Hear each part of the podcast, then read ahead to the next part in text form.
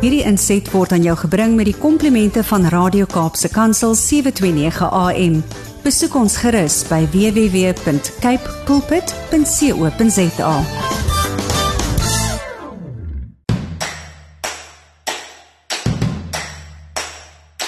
Jy is ingeskakel by Radio Kaapse Kansel. Dit is net na 7 op Saterdag die 22ste Oktober.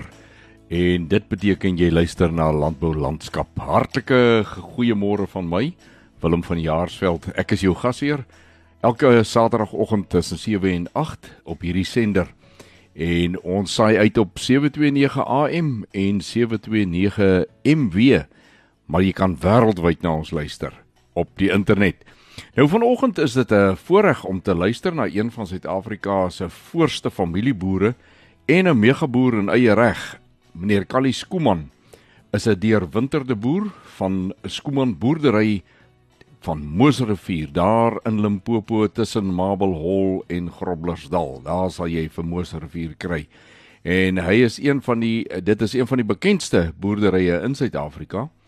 Uh Callie het onlangs 'n groep jong boere toegespreek met die keur van ervaring en wysheid bedien en ons het daardie boodskap gekry en dit so bietjie gaan herverpak in in gedeeltes opgebreek sal ek sê om vanoggend se program uh vir jou dan so aan te bied dat jy die hele toespraak kan hoor alhoewel dit nou in afleweringe wil ek amper sê in gedeeltes ingedeel moet word ter wille van ons program uh se in, indelings.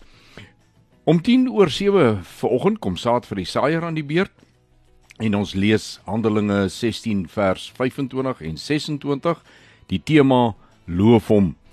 In Kapstok wat om 20 oor 7 begin, gaan ons na die eerste gedeelte van Kalies Kuman se toespraak. Luister en dan huis en hart wat 7:30 aan die beurt kom, sit ons dit net voort. In die eerste gedeelte van Huis en Hart gesels hy oor wie gaan planne maak en in die tweede deel kom mislukte demokrasie aan die beurt. Hy sluit ons program af met stories van hoop so omstreeks 10 voor 8 en die positiewe mens wat hy is kom hy en gee vir ons so 'n bietjie 'n uh, laaste paar gedagtes as ook wyse raad. So ek nooi jou om vir oggend asseblief uh al kry jy nou eh, die ding so in in brokstukke in. Bly ingeskakel en luister na die hele toespraak asseblief. Ons sê baie dankie aan Cape Pots varsprodukte mark wat elke uitsending van landbou landskap vir ons moontlik maak. Ek nooi jou ook om met ons te gesels deur middel van ons WhatsApp en Telegram nommer, selle nommer 0817291657 of jy kan 'n SMS stuur na 37988 of jy kan per e-pos met my gesels by wilm@capepulpit.co.za. Begin jou boodskap met landbou. Ons gesels net hierna verder. Soos altyd is uh, hierdie program natuurlik daarop gemik om vir jou as die luisteraar en die verbruiker van landbouprodukte bietjie meer in te lig oor wat op die landboulandskap gebeur, wat daar aangaan. Nou, dit is interessant. Ek het uh, so 'n in 'n deel van die land gemaak die afgelope week. En die eerste reën het daar tussen Koelsberg en Richmond geval en die eerste gedagte wat ek sien uh, wat ek het toe ek sien hoe staan die water daar in die veld en langs die pad en die smeer was natuurlik wanneer gaan die sprinkane kom want het ons daarom nie verlede jare klomp van hulle daar in daai omgewing gesien nie? En die eiers is natuurlik gereed om met die regte vogtoestande en son en die smeer natuurlik weer die volgende probleem vir die boere te veroorsaak maar ons glo ons sal 'n oplossing hê hierdie keer. Vervolgens musiek en net daarna kom saad vir die saaier aan die beurt. In saad vir die saaier gaan ons vanmôre onder die tema loof hom so bietjie kyk na Handelinge 16 vers 25 en 26. Nou daar staan en omtrent middernag het Paulus en Silas gebid en lofliedere tot eer van God gesing. En die gevangenes het na hulle geluister. En skielik kom daar 'n groot aardbewing sodat die fondamente van die gevangenis geskit is. En onmiddellik het al die deure oopgegaan en die boeye van almal het losgeraak. 'n baie pragtige gedeelte wat eintlik vir ons in alle omstandighede so 'n groot bemoediging kan wees. Die omstandighede van Paulus en Silas is daar waar hulle in die gevangenis sit. Nou vir my en jou kan die gevangenis baie keer net 'n snaakse, moeilike, onaanvaarbare, ongemaklike wat ook al omstandigheid wees, maar jy's gevange geneem deur hierdie omstandigheid. En dan is ons in voetboeye en ons is moedeloos en dis meer. Maar kom ons kyk wat gebeur toe Paulus en Silas in soortgelyke omstandighede is. Hulle was nou net fisies in die tronk, maar tog Mens kan dink hoe hulle gemoedstoestand moes gewees het, menslikerwys. Maar wat doen hulle? Hulle het gebid en hulle het lofliedere tot eer van God gesing. Hulle het hom geloof en hom geprys. En nie net kom hulle vry uit die gevangenis nie, maar ook die wat net geluister het na hulle lofsange en na hulle gebede. Se boeye val ook af en hulle stap almal uit die tronk uit. Die les vir ons daaruit. Wanneer omstandighede vir ons duister lyk, moeilik is en dis meer. Wanneer laas het jy en ek in sulke omstandighede gekies om die naam van Jesus groot te maak, om God aan te roep, maar ook sy lof te besing sodat ons vryheid van omstandighede kan kry. Dis nie ons eerste gedagte nie, maar dis duidelik die boodskap uit hierdie gedeelte wat ons gelees het in Handelinge 16 25 en 26. Kom ons bid saam. Vader, ons kom in die naam van Jesus om ook voor U te bely dat ons meermale nie daar is waar Paulus en Silas was nie. Maar Jesus, ons weet U is ons getroue herder en ons bid dat daar vir ons hierdie selfde gesindheid in ons harte sal kom dat ons dit sal inoefen dat wanneer dit moeilik gaan sal ons deur lofprysing die vrymaking en die vryheid bekom gee u ons dit wat ons nodig het om dit te kan doen ons vra dit in Jesus se naam amen In landboulandskap gebruik ons graag die gleuf wat ons dan nou noem kapstok om so bietjie te kyk na nuusgebeure op die landboufront. Nou vanmôre Soos baie keer in die verlede, gaan Kapstok natuurlik nou nie gewy word aan 'n nuusgebeure nie, maar ons begin luister na die boodskap van meneer Callie Skooman daar van naby Ma of tussen Marble Hall en Groblersdal. Maar daar het nie niks gebeur in die landbou nie, soos altyd. Gebeur hy elke dag 'n klomp dinge. Die afgelope tyd het Agri SA 'n kongres gehou.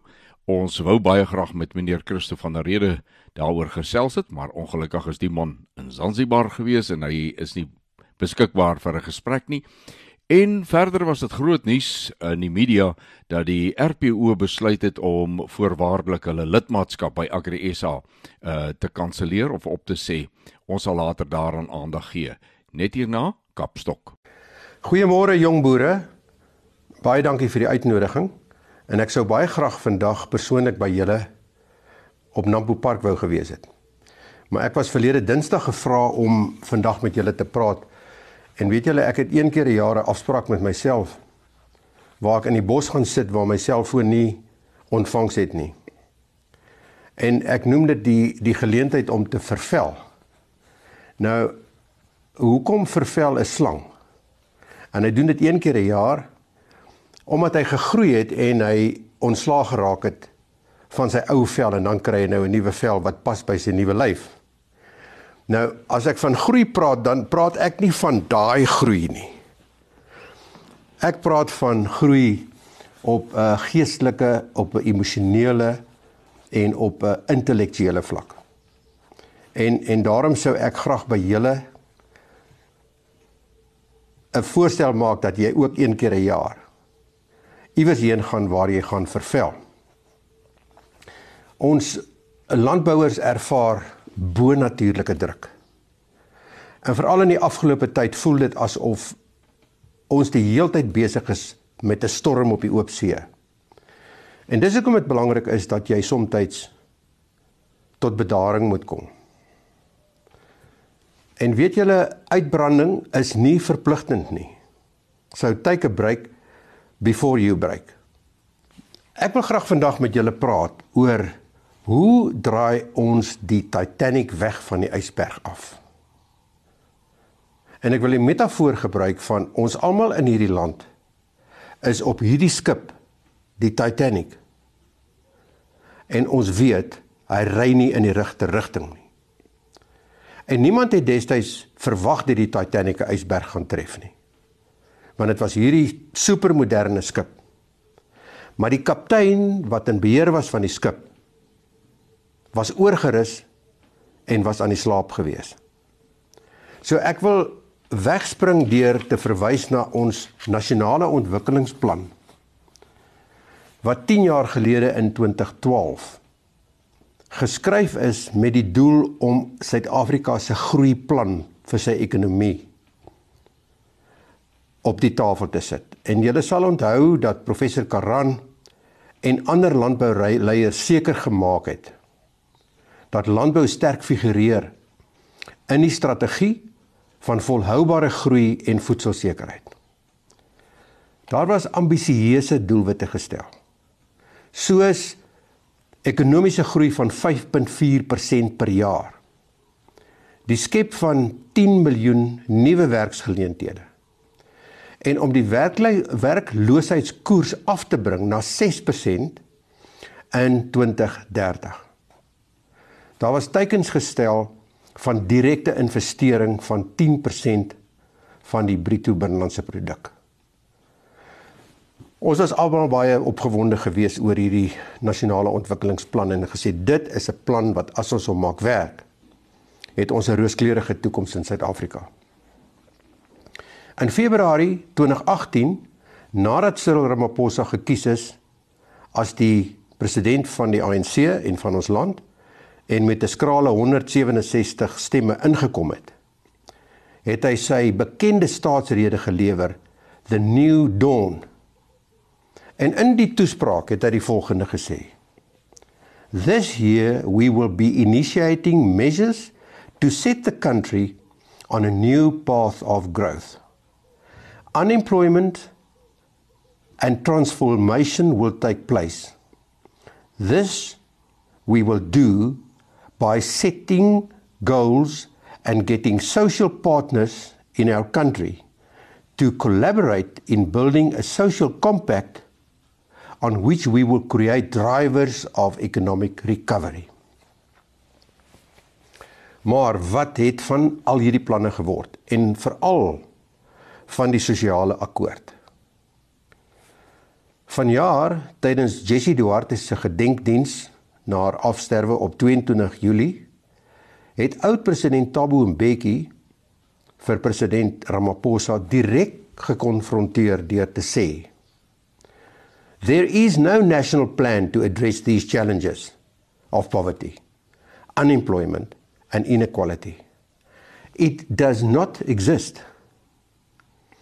Hy het die begrafnisgangers herinner dat Cyril Ramaphosa tydens verjaar se staatsrede gesê het dat daar 'n volledige sosiale akkoord in 100 dae sal wees. Niks het hiervan gekom nie. Daar was wel 'n 33 bladsye dokument wat lyk asof dit deur 'n matriekleerling geskryf is wat geen erns het nie, wat niks om die lyf het nie en wat nie behoorlik gekom gekommunikeer was nie. So wat sê ek vir julle? Ons regering het geen plan om ons land te lei of te stuur nie. En ons dobber op die see rond soos 'n roerlose skip sonder 'n kaptein of offisiere. So wat is die oplossing? Aangesien Cyril Ramaphosa nie vorendag kom met 'n nasionale plan of 'n nuwe droom vir ons land nie. Wat gaan hoop skep vir almal nie. Moet ons dit self doen. Dit is daarom baie lekker om na 'n man te luister wat gesels so uit sy hart uit. Nou ja, uh, ons sê altyd 'n boer maak 'n plan en as jy nie planne het nie, dan werk boerdery glad nie. Dit is nou maar net so daar is soveel uitdagings en vir elke uitdaging moet daar 'n plan of twee wees. So, Uh in die volgende stukkie wat uh, meneer Skwan gesels, ek wil dit uh, sommer graag noem uh wie maak die planne. Hy gesels oor hoekom landbouers in hierdie land moet aanhou planne maak. Hy gesels ook oor die planne wat dalk gemaak moet word en gee so 'n bietjie raad in daardie uh opsig en dis altyd lekker om na 'n man te luister wat deur die baie jare wat hy in landbou betrokke is, verseker meer as twee planne moes gemaak het om te kan oorleef tot hier toe. Kom ons luister verder na Kali Skuman. Wie moet hierdie nuwe inisiatief mobiliseer? Dit moet by ons begin en veral by die jong boere wat voor my sit. Julle en die swart jong boere van ons land gaan die toekoms van ons land bepaal. Julle kan die verskil maak wat nodig is om ons land en landbou te laat floreer. Nou gaan julle vir my vra, hoe doen ons dit? Eerstens, vertel die mooi storie van wat landbou bereik het in die afgelope 28 jaar. En en ek verwys hierna in Engels omdat ek baie met ons swart opkomende boere gesels.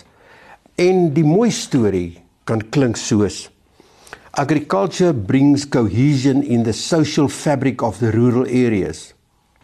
Without a healthy agricultural sector, you will see even bigger urbanization, poverty, social collapse and crime will become more violent.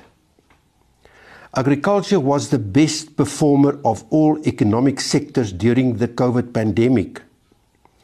This year, agriculture will grow by 6% compared to the total economy that is predicted to grow by 2%. And it will come down to 1% due to load shedding. The economic contribution of the total value chain in the economy is 16% from field to fork. En dit is belangrik dat ons die boodskap moet kommunikeer van wat die totale waardeketting van landbou vir die ekonomie beteken. En dis ook my praat from field to fork. So die huisvrou wat in Sandton sit en van Woolies af elektronies haar ehm uh, inkopies gedoen het en dit word by haar voordeur afgelewer. Dis die totale ketting waarvan ek praat. En kyk net wat 'n fantastiese stelsel is dit. Wat wêreldklas is, wat werk en wat suksesvol is en ons sit met vol voedselrakke. Without government support. So baie geluk aan ons Suid-Afrikaanse boere wat die heeltyd die wind van voor af kry en wat so suksesvol is om nie net vir Suid-Afrika nie, maar ook vir ons buurlande genoeg bekostigbare voedsel te kan voorsien. Dan praat ek nie eers van die buitelandse valuta wat ons verdien met al ons uitvoere nie. As ons alles gaan opnoem wat die rol van landbou is, dan kan ons 'n baie baie lang lys maak. Wat belangrik is, ons moet ophou om met onsself te praat. En hier verwys ek spesifiek na die landboumedia. Die mense wat deur middel van die televisie en die geskrewe media die boodskap wil uitbring. En ek dink dit is so belangrik, ek wil graag verwys na Wandile Shilobe wat in sy sosiale media netwerk kontak het met meer as 30000 mense. En dit gaan tot in plakkerskampe waar hy die regte boodskap oordra. Dankie tog dat hy nog die regte boodskap oordra. En ek dink ek wil ek wil uh, erkenning gee vir vir Laveld Agrochem wat nis nisboere gevat het en dit nou nuusfarmers gaan maak het om juis te praat met die gehoor wat moet hoor wat landbou vir Suid-Afrika beteken. En ek wil ook erkenning gee vir Chris Burgess wat African Farming die byvoegsel in die landbouweekblad wat eenmal 'n maand verskyn. Die lig laat sien dit sodat ons kan praat met ons opkomende boere. Die plan is om 'n nuwe kollektief te vestig met swart mense en swart opkomende boere waarmee waarmee jy in aanraking kom. Nooi hulle om saam met jou te bou aan 'n nuwe droom vir landbou en spesifiek vir ons platteland. Ek wil vinnig verwys na die Singapore droom wat ek gesien het 32 jaar gelede toe ek in Singapore aankom. Op die lughawe is 'n 10-punt plan. Agter op die taxi se sitplek is die 10-punt plan vir Singapore. In die huisbak is die 10-punt plan wat sê dis waarheen ons gaan met ons land. En ek onthou twee spesifieke vereistes en voorwaardes. We do not tolerate corruption and bribery. En die 10de een was gewees, we do not tolerate narcotics. As jy dwelms gebruik, hang ons jou op. Duidelik, niemand twyfel daaroor nie. Dis wat ons kort kom in Suid-Afrika. Nou vra die jong boere vir my wanneer ek vir hulle praat, vir hulle 'n voorstel maak van hoe die plan moet lyk. Oom Kali, what must we do? Help us. What should our narrative be? And what is the story that we must tell government? En weet julle, dis nie nou meer die tyd is verby om jou woorde sorgvuldig te kies. En wat moet die swart kiezer se narratief wees wanneer hy dink hoe gaan hy stem en vir wie gaan hy stem? In die verlede was daar beloftes gewees en daar was populistiese uitsprake gewees. Dis onder andere hoekom ons nou weer sit met die onteiening sonder vergoedingswet want dit gaan verseker dalk 'n paar mense vir die ANC laat stem. So hier is die boodskap. Wat sê ons vir die regering? Thank you for doing nothing for agriculture for the past 28 years. Just look around you to see the evidence in terms of agrarian reform and successful emerging farmers. Trouwens, die suksesvolle boere wat ons gevestig het, is as gevolg van privaat inisiatief. En as gevolg van kommersiële boere wat hande met hulle gevat het om te sê kom ons help julle om suksesvolle boere te word. Dit was nie die regering wat dit gedoen het nie. You as rulers have been eating out of the pot and there is nothing left for the majority of our people. You have created crime syndicates and a lack of trust scare off foreign investors. You as a government has failed the mandate we gave you on the 27th of April 1994. And you stole Madiba's dream of a rainbow nation. En weet julle na die 94 verkiesing het ek my mense bymekaar geroep en gesê ek emigreer. En hulle was verstom, waarheen gaan ek? Ek is dan so lief vir hierdie land. En ek het gesê ek emigreer na die nuwe Suid-Afrika. Ek wil deel word van hierdie reënboognasie. Ek wil help om hierdie land met al sy potensiaal te ontwikkel. En daai droom is gesteel deur die ANC. Verstaan julle waarvan praat ek as ek sê ons moet 'n nuwe droom bou vir landbou? Our democracy is busy failing. As minder as 40% mense in hierdie komende verkiesing gaan stem, het ons nie meer 'n demokrasie nie. And our state has failed. Ek ek wil net 'n oomblik hier stil staan en en verwys na die toestand van ons hawens en ons het vir jaar hoeveel vergaderings gehad van die sitrusbedryf se kant af met Posha Derby die CEO van Transnet. En weet julle nadat ons 'n verhouding met haar gebou het, het sy erken dat in die in die Gupta ehm uh, era en Zupta era was 38 miljard rand se geld uit die vervoerstelsel uitgesuig wat veronderstel was om te gaan om ons infrastruktuur op die hawens in stand te hou. Dis 'n ontsettende agterstand. Verder het ons te doen met 'n kultuur van it's my turn to eat en sit ons vandag met stakings by spoornet se 70000 mense wat nie tevrede is met 'n ek dink 'n 5% salarisverhoging nie. En dit sal ook moet verander in Suid-Afrika. Ek praat die week met 'n groot voerkraalboer wat vir my sê hulle kon geslag het, maar toe was daar 'n beperking op wat hulle met die afval by die abattoir van die beeste se ingewande moet doen. En niemand in die hele ketting is bereid om 'n besluit te neem nie. Die hele vleisbedryf het tot stilstand gekom as gevolg van 'n disfunksionele departement. Wanneer ons demokrasie val en wanneer die regering val, is daar 'n paar baie slegte scenario's. En dis die ysberg waarna ek verwys waarheen die Titanic op pad is.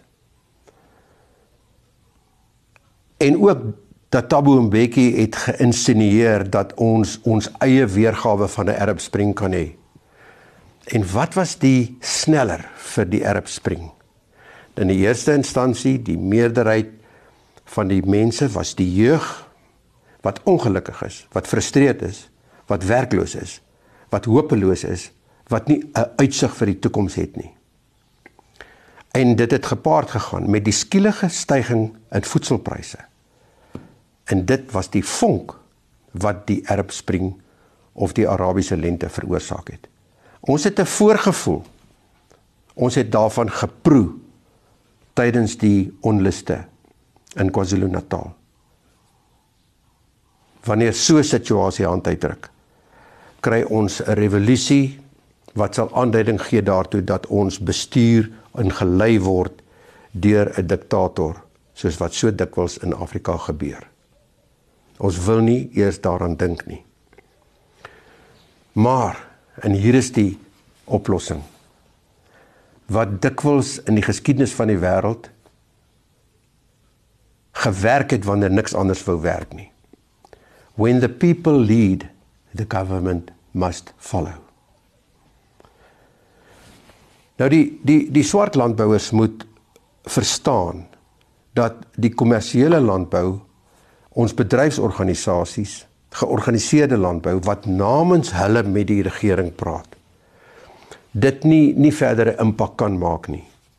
Ons is nie in beheer van die ANC nie. Ons kan hulle net beïnvloed. En daarom moet hulle betrokke raak.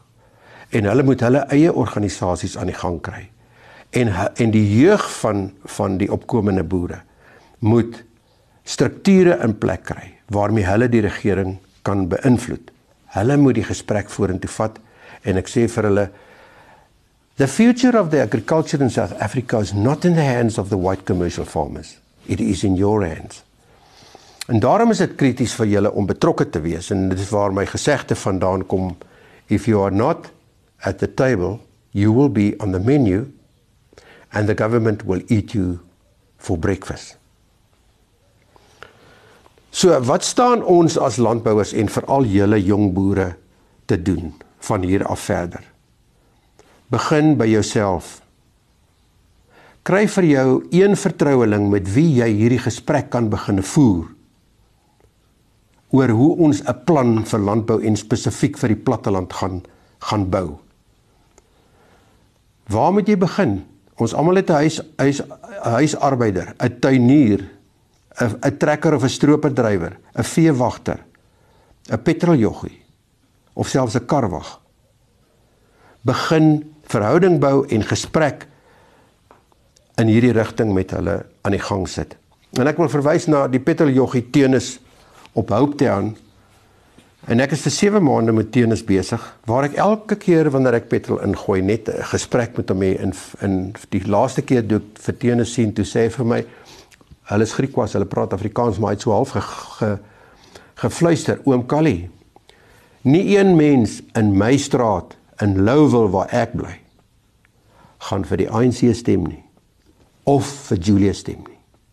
Een mens het dit reg gekry om 'n hele straat teen die ANC te laat draai. So wat is anders aan hierdie model? Ons werk van onder af boontoe. Sodat dit vir elkeen van julle moontlik kan wees om sonder om aan 'n struktuur te behoort persoonlik iets te kan begin doen. Droom 'n nuwe droom vir landbou wat hoop skep by mense. En mense mobiliseer om met passie en geloof die droom waar te maak. Anders is die Titanic op pad om die uitsberg te tref en niemand van ons wil aan die dramatiese gevolge dink nie. En weet julle wat sê my swart vriende vir my? Waarheen vlug ons as Suid-Afrika in 'n ramp verander het? Moet ons in die see invlug? Ons het nie 'n opsie nie. En onthou die Zimbabweërs het net oor die rivier gekom en 5 miljoen of is dit nou al 10 miljoen van hulle kon in ons land vir hulle 'n nuwe toekoms skep. Ons het nie 'n plek om heen te vlug nie. Ons moet dit maak werk. Een van hulle het gesê ons kan daarom sekere 100 000 skelms huisves op Robben Eiland. So, hoekom glo ek in julle wat die volgende geslag is wat Suid-Afrika moet lei? En Chris Burgess het dit so mooi beskryf in een van sy hoofartikels in die Landbouweekblad. Ons boere se default posisie is een van aggressie. Nie aggressie teenoor mekaar nie, maar teenoor probleme. In Suid-Afrika kan jy nie enige swakheid in jou kop tilt nie. Ons probleme is te veel, te kompleks, te uiteenlopend. Jy moet glo jy het 'n kans al rig 'n oorlogskip sy kanonne op jou. Onthou jy's reeds 'n leier in eie reg. Daar's 'n massa mense in jou omgewing wat vra vir jou leiding. Moenie hulle hulpkreet ignoreer nie. Deur hulle te help om van die korrupte regering ontslae te raak, help jy jouself. So gaan bedink asseblief my voorstel. Verander hom om by jou omstandighede te pas. Solank elkeen van ons net begin om iets te doen om die Titanic weg te stuur van die ysberg af. Ek wil afsluit deur 'n paar riglyne vir julle te gee as familiebesighede en as familieboerderye. Ons almal in Suid-Afrika boer saam.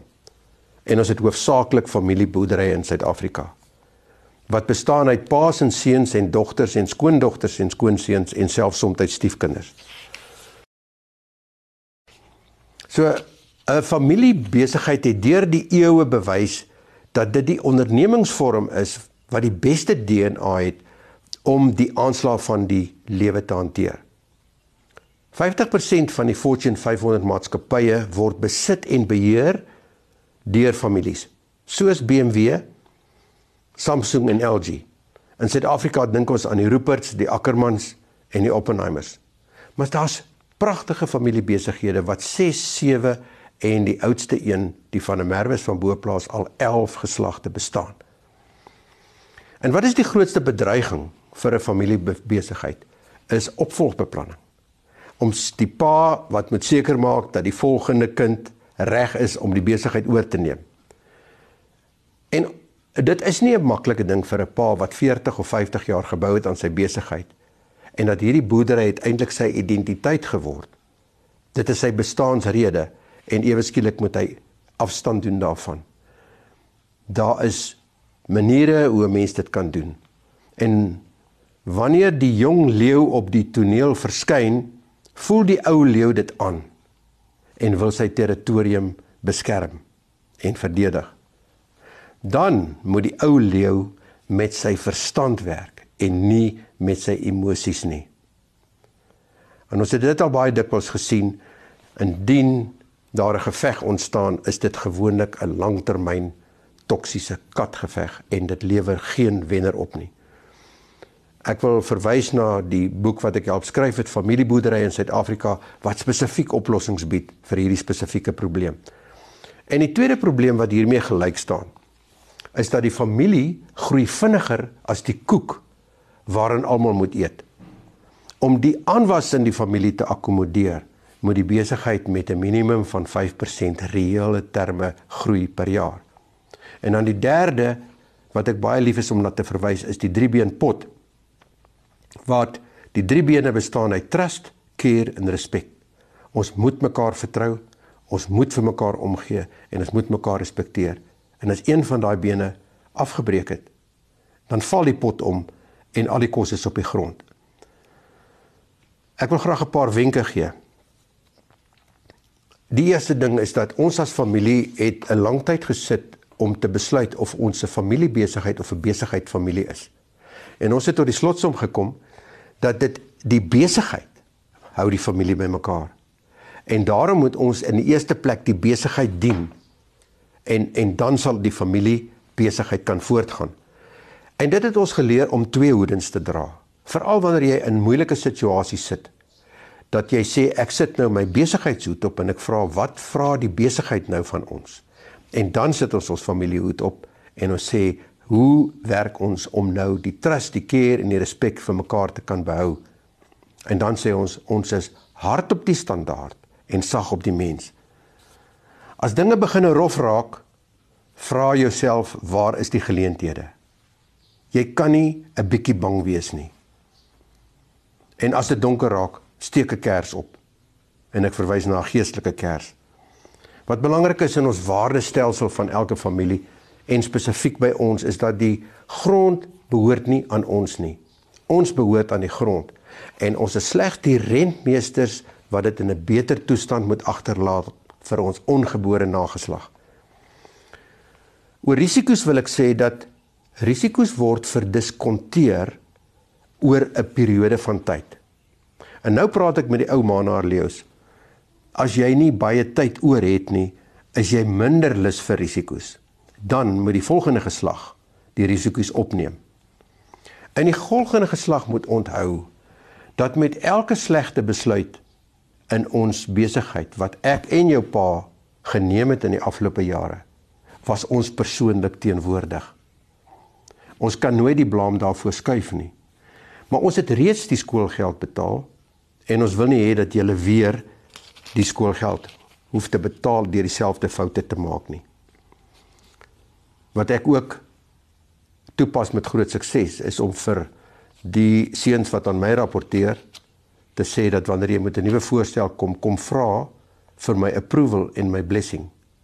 En soms sal ek sê ek kan dit goedkeur, maar ek kan dit nog nie seën nie.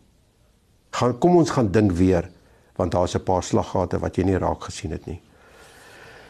Ek wil julle groet deur te sê François en Jaco, dankie vir julle inisiatief om toekomsfokus aan te bied.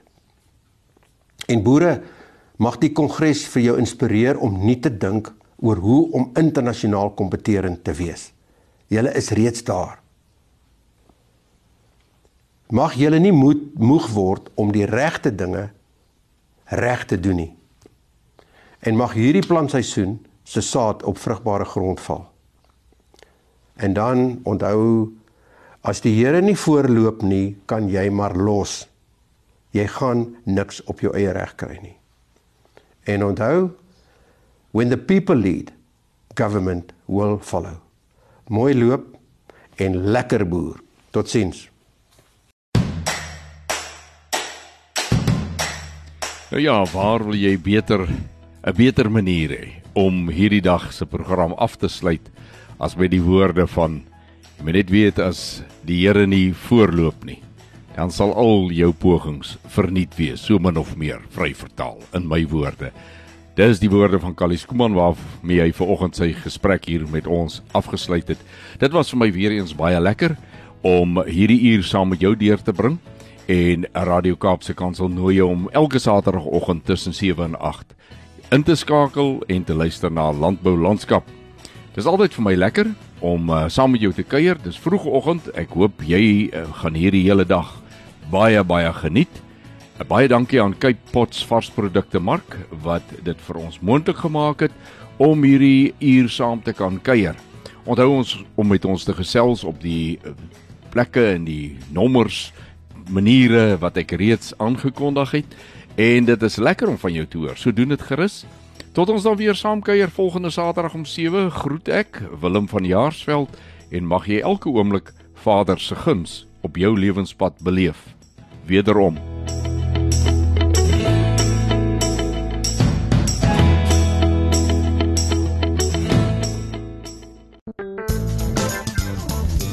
Hierdie inset was aan jou gebring met die komplimente van Radio Kaapse Kansel 729 AM. Besoek ons gerus by www.cape pulpit.co.za.